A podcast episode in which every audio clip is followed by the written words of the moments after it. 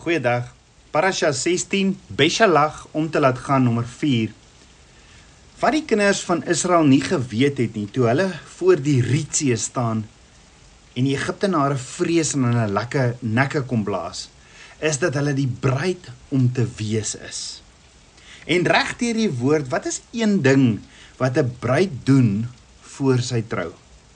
Onder andere het Ester dit ook gedoen.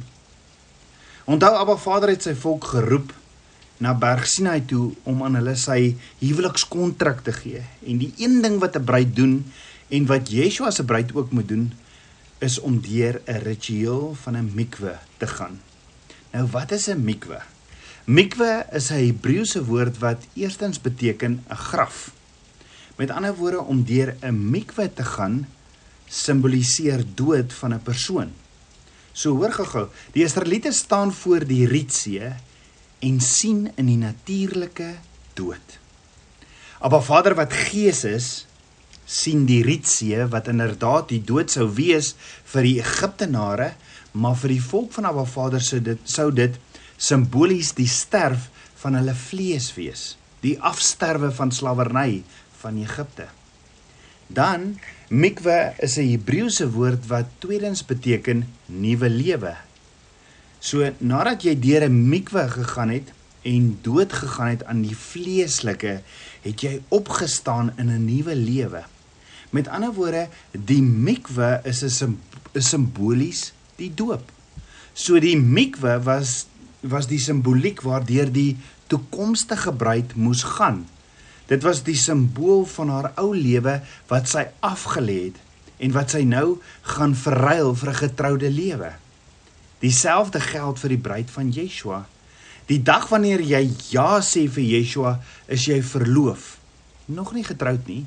En nou moet die voorbereiding begin, die pad van heiligmaking. En die eerste ding wat jy moet doen is om gedoop te word.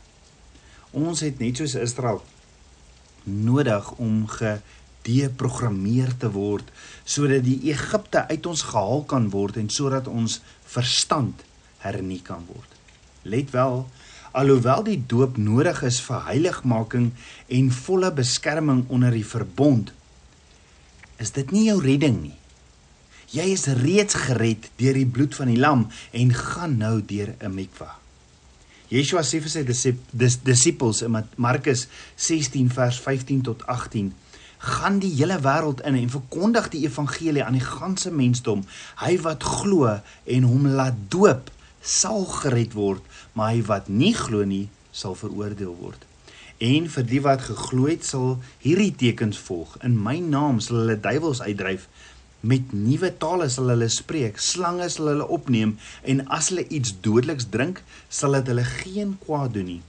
Op siekes sal hulle die hande lê en hulle sal gesond word.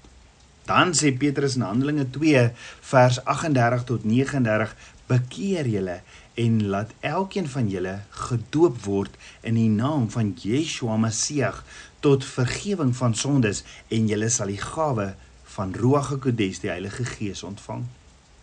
Want die belofte kom julle toe en julle kinders en almal wat daar ver is, die wat die Here ons God na hom sal roep.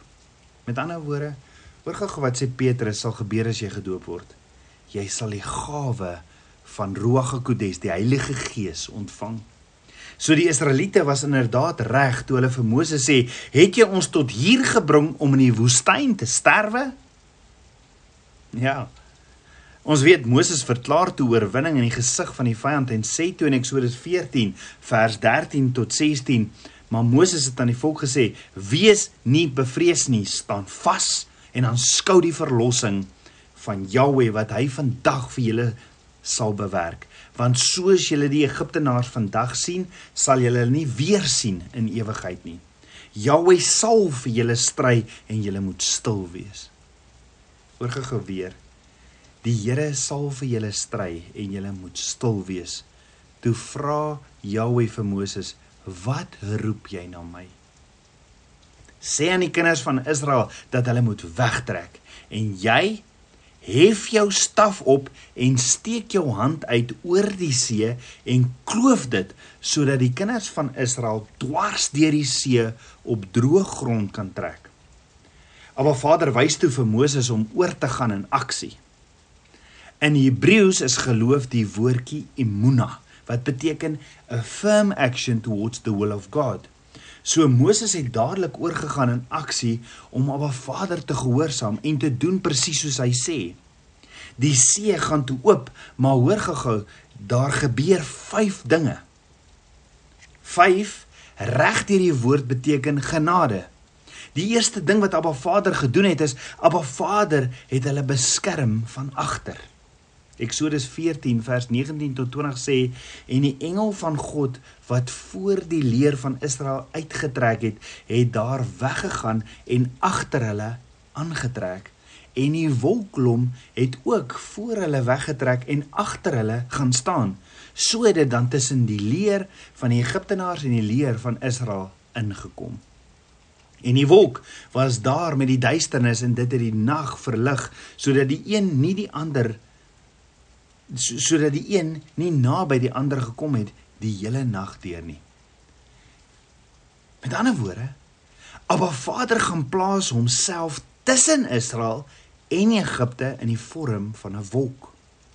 So nou sal enige iemand wat die kinders van Abba Vader bedreig met Abba Vader homself te doen kry. Abba Vader trek 'n leerskare om hulle en geen een van die Egiptenare se wapens sou hierdie ring van beskerming kon deurboor nie. Abba Vader sê ook vandag vir jou in Jesaja 54 vers 17: Elke wapen wat teen jou gesmee word, sal niks uitrig nie en elke tong wat jou teen jou opstaan in die gereg, sal jy weer lê. Dit is die erfdeel van die knegte van Jahweh en hulle geregtigheid wat uit my is. So daar was toe 'n duisternis wat oor die Egiptenare gehang het en die lig oor Israel. amper soos die negende plaag, nê. Nee. Met ander woorde, dit is behoorlik Abba Vader wat sy rug na Egipte toe draai en sy teenwoordigheid aan Israel openbaar. So Abba Vader sou sonder sy volk af en hy beskerm hulle van die vyand. En net so beskerm Abba Vader vandag nog sy kinders. Die tweede ding wat Abba Vader doen is hy stuur 'n sterk wind. Ja, Eksodus 14 vers 21 sê, toe steek Moses sy hand oor die see uit en Jahwe het deur 'n sterk oostewind die see laat wegvloei die hele nag deur en die see droog gemaak en die waters is gekloof.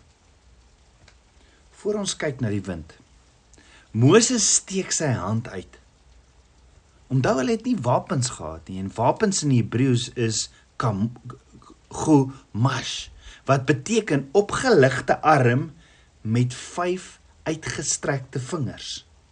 Ja, dis gumash, hierdie prentjie van Moses wat sy hand oplig met 5 uitgestrekte vingers. Jy sien wat Moses doen toe hy dit doen is geloof want met Abba Vader aan jou kant lig jy jou arm op na die hemele en met jou vyf vingers in die lug uitgestrek is hierdie posisie niks anders as 'n posisie van aanbidding en totale oorgawe nie. Vader U is in beheer. I raise a hallelujah. So Eksodus 14 vers 21 sê toe steek Moses sy hand oor die see uit en Jahwe het deur 'n sterk oostewind die see laat wegvloei die hele nag deur en die see droog gemaak en die waters gekloof. Nou wind hier in Hebreëus gee raai wat is die woord? Ruach. Ruach wat beteken Abba Vader se asem wat van die begin af daar was of die Heilige Gees. In Genesis 1 vers 1 tot 2 staan in die begin het God die hemel en die aarde geskape en die aarde was woes leeg en duisternis was op die wêreld vloed en die gees van God het gesweef op die waters. Nou die gees van God wat gesweef het in Hebreëus is Ruach wat beteken Abba Vader se asem of Heilige Gees wat van die begin af daar was.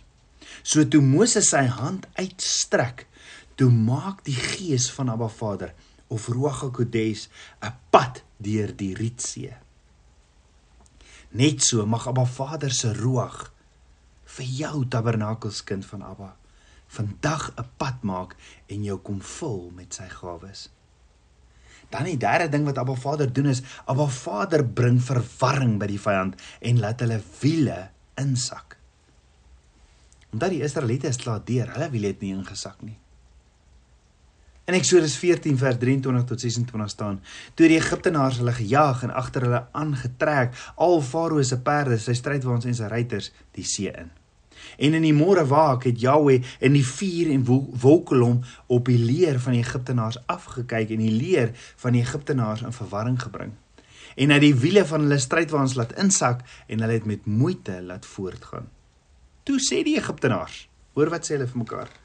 Laat ons van Israel af wegvlug, want Jahweh stry vir hulle teen die Egiptenaars. En daarop sê Jahweh vir Moses: "Steek jou hand uit oor die see, dat die waters kan terugvloei oor die Egiptenaars, oor hulle strydwaans en oor hulle ruiters." So toe die vuurkolom en die wolkkolom skuif, toe sien Farao wat besig is om te gebeur. Farao sien die een wat die pla oor hulle gestuur het, is in beheer en is besig om hierdie geveg namens sy kinders te veg. Die enigste lewende God. Met ander woorde, die vyand het opgemerk, maar Vader veg vir sy kinders. Net so is dit my gebed vandag dat die vyand sal sien dat Abba Vader jou geveg veg en dat Abba Vader verwarring in die kamp in die kamp van die vyand sal bring. Die vierde ding wat Abba Vader doen is Abba Vader verlos hulle en maak die waters toe toe hulle deurgetrek het. Eksodus 14 vers 27 tot 28 sê en Moses het sy hand oor die see uitgesteek en die see het teen dagbreek in sy bedding teruggevloei en die Egiptenaars het dit tegemoet gevlug. So het Jahweh dan die Egiptenaars binne in die see gestort en toe die waters terugvloei het hulle die strydwaans en die ruiters van Farao se hele leermag agter hulle die see ingetrek het oordek. Geen een van hulle het oorgebly nie. So Moses steek toe weer sy hand uit aan die ander kant van die Rietsee. En ons weet wat Moses doen as hy dit doen. Dis geloof, nê. Nee. Dis sy hand oplig na Abba Vader. Vader, U is in beheer. Want met Abba Vader aan jou kant, lig net jou arm op met jou vyf vingers uitgestrek in die lug, want dit is 'n posisie van aanbidding en totale oorgawe. So die vyand is oorwin deur Abba Vader wat vir sy volk geveg het en die magtige weermag van Farao is nie meer nie. Net soos die vyand oorwin op Golgotha toe Yeshua vasgespijker is aan die houtkruis met sy arms uitgestrek en Yeshua 3 dae later uit die dode op, opgestaan het. Daarom dink ek daarom kan kan ek en jy ook ons hande oplig in aanbidding want die prys is betaal. Daar is totale oorwinning vir my en jou deur die prys wat Yeshua betaal het as die lam van God. Waarom nie daar waar jy is? Sê Vader, I surrender. Ek weet nie wat se situasie jy is nie. Lig jou hand op, Vader, I surrender. Ek gee U totale beheer. I worship you. Die enigste ware God. Die vyfde ding wat Abba Vader toe doen is Abba Vader verander 'n begrafplaas in 'n mikwe. Eksodus 14 vers 29 sê: "Maar die kinders van Israel het binne in die see op droë grond getrek en die waters was vir hulle 'n muur aan hul regter en aan hulle linkerkant." Jy sien dit wat vir die volk van Abba Vader gelyk het soos hulle begrafplaas het, het verander. Ja, ja, hulle het 'n veilige reis reg deur die see. Jy sien by die mens lyk dit onmoontlik, maar by Abba Vader is niks onmoontlik nie. Net soos in Egipte het Abba Vader gesorg dat die teenoorgestelde as wat met Egipte gebeur het, met sy volk gebeur het. Abba Vader beskerm sy hopelose, pas uitgeleide volk sonder enige fisiese wapens teen die magtig magtige opgeleide weermag van Farao. Laat ons nooit die krag van en die krag en mag van ons verbondsvernoot, ons groot verbondsvernoot, Abba Vader onderskat wanneer hy teen ons vyand veg nie. Net soos wat Abba Vader sy volk na die belofte en droom wat hy vir hulle gehad het gelei en beskerm het, net so wil ek vandag vir jou sê, soos Abba Vader jou lei en beskerm. Die vraag is sal jy hom volg? Ja ook vir jou beloof Abba Vader 'n veilige reis na die belofte, die droom wat hy vir jou het maar bo alles waar Abba Vader saam met jou wandel. Daarom mag die droom wat Abba Vader vir jou het nooit groter wees as die droomgewer nie. Let wel, dit is nie noodwendig 'n maklike reis nie, maar wel veilig. Die woord sê in Eksodus 14 vers 31: Ook het Israel die magtige daad gesien wat Jahweh aan die Egiptenaars verrig het. Toe het die volk Jahweh gevrees en geglo in Jahweh en aan Moses sy knegg. Net so Tabernakels kind van Abba, lyk dit vandag of jy tot net hier gekom het? Of dit lyk vir jou dalk soos die einde? Dalk voel jy maar het ek net tot hier gekom om hier te sterwe? Voel jy dis die einde? Dit is nie. Maar Vader is jou beskermer en hy is jou voorsiener. Spreuke 3 vers 5 tot 6 sê: Vertrou op Jahweh met jou hele hart en steun nie op jou eie insig nie. Ken hom in al jou weë, dan sal hy jou baie gelyk maak. Daarom kom ons kom ons lig ons hand waar ons is. Kom ons reis 'n haleluja en prys hom. Ons loof en prys hom vir wie hy is. Ons lewende amazing skepper God. Yahweh Elohim. Kom ons bid saam. Aba Vader, skepper van my hart, Vader, ek loof en ek prys U. Vader, dankie dat U nie verander nie en dat U ons, U kinders ook beskerm.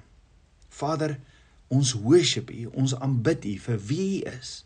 Dankie dat U nou ook 'n kloof is 'n pad sal maak deur die see. Dit wat vir my onmoontlik lyk, dat U vir my 'n pad sal maak. Dankie Vader dat U 'n God is van genade. Dankie dat U die geveg sal veg. Ek bid dit alles in Yeshua HaMashiach se naam, die seun van Jahweh. Amen. Shalom.